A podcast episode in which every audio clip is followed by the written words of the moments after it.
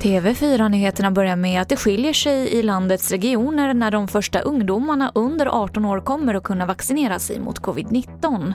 Det här visar TV4-nyheternas kartläggning. Flera regioner ligger efter i vaccinationerna och i ett fall så kan det dröja till september innan det blir dags för tonåringar födda 2005 och tidigare. Ja, tyvärr så ser det ut så.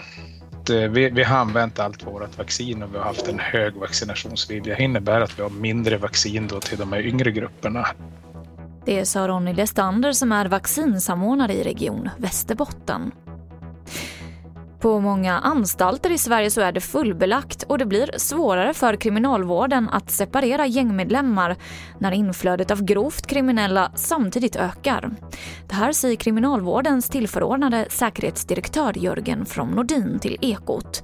Och det här beror på att polisen lyckats knäcka tidigare krypterade tjänster vilket lett till hundratals gripanden i gängmiljön och många fällande domar.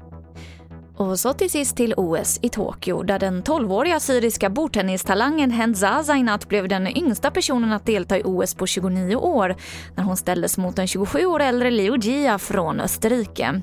Dock så blev det förlust i fyra raka set.